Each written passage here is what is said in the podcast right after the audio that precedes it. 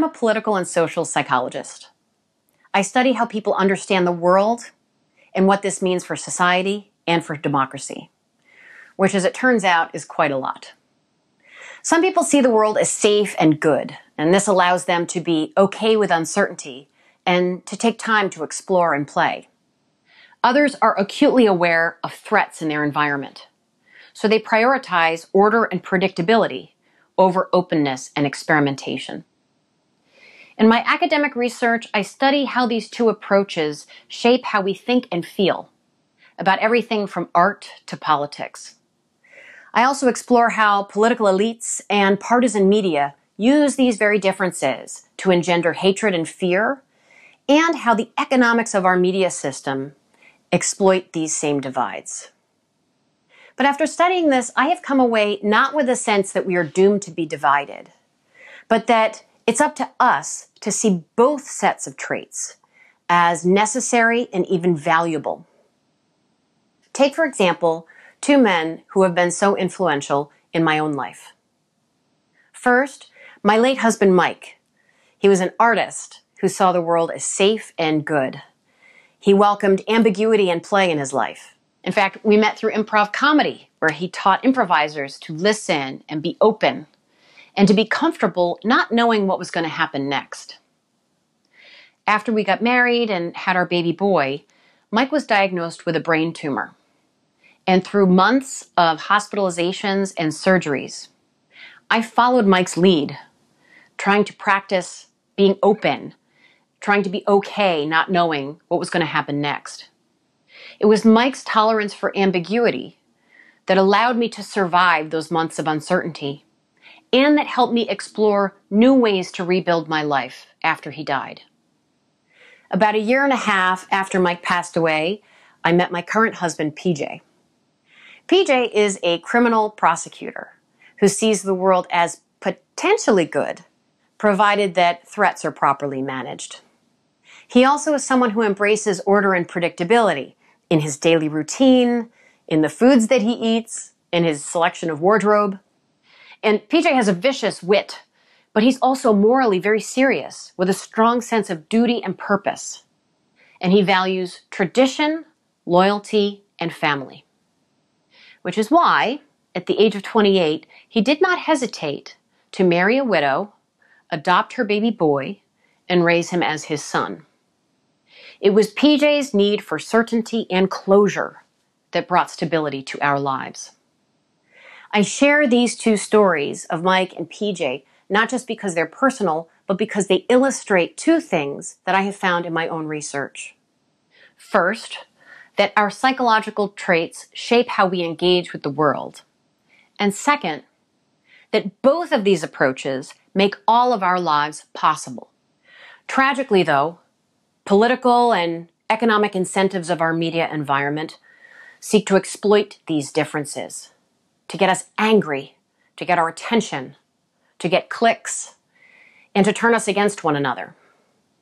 And it works.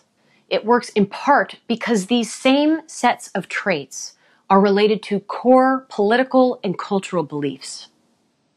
For years, political psychologists have studied how our psychological traits shape our political beliefs.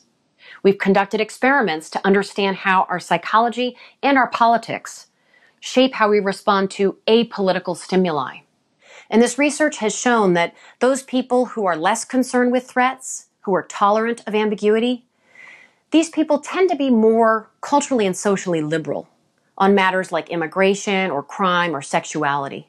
And because they're tolerant of ambiguity, they also tend to be okay with nuance and they enjoy thinking for the sake of thinking.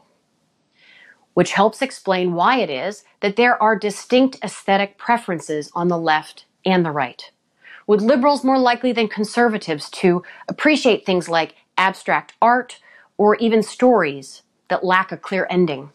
In my experimental work, I've also found that these differences help explain why ironic political satire is more likely to be appreciated and understood by liberals than conservatives.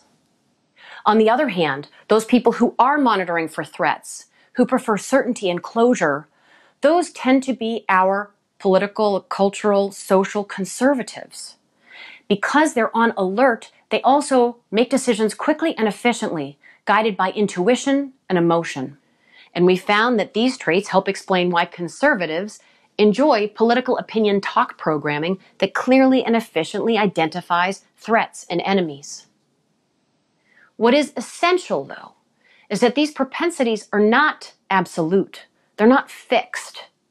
There are liberals who are monitoring for threats, just as there are conservatives who are tolerant of ambiguity. In fact, PJ's political beliefs are not that radically different from those that Mike held. The link between psychology and politics is contingent on context, who we're with, and what's going on around us. The problem is that right now, our dominant context, our political and media context, actually needs these differences to be absolute, to be reinforced, and even to be weaponized. For reasons related to power and profit, some in politics and media want us to believe that those people who approach the world differently from us, the Mikes or the PJs, themselves are dangerous. And social media platforms use algorithms and micro targeting to deliver divisive messages in our preferred messaging aesthetic, messages that relate to politics, culture, and race. And we see the devastating effects of these messages every single day. Americans who are angry and fearful of the other side. Charges of the other side destroying America. But stop and think for a moment. What would happen if those differences had never been weaponized? It is liberal inclinations towards openness and flexibility that allow us to cope with uncertainty and that allow us to explore new paths towards innovation, creativity, scientific discovery. Think of things like space travel, or cures for diseases, or art that imagines and reimagines a better world. And those conservative inclinations towards vigilance and security and tradition, these are the things that motivate us to do what must be done for our own protection and stability. Think of the safety that's offered by our armed forces, or the security of our banking system, or think about the stability that's offered by such democratic institutions as jury duty, or cultural traditions like fireworks on the 4th of July. What if the real threat posed to society and democracy is not actually posed by the other side? What if the real danger is posed by political and media elites who try to get us to think that we'd be better off without the other side? and who use these divisions for their own personal, financial, political benefit. Mike and PJ engaged with the world very differently, but these distinct approaches continue to enrich my life every day. Instead of our political and media context determining that the other side is the enemy and lulling us into believing that that's true, what if we choose to create the context? real people connecting with other real people, appreciating these two approaches for what they are necessary gifts that can help us all survive and thrive together. Thank you.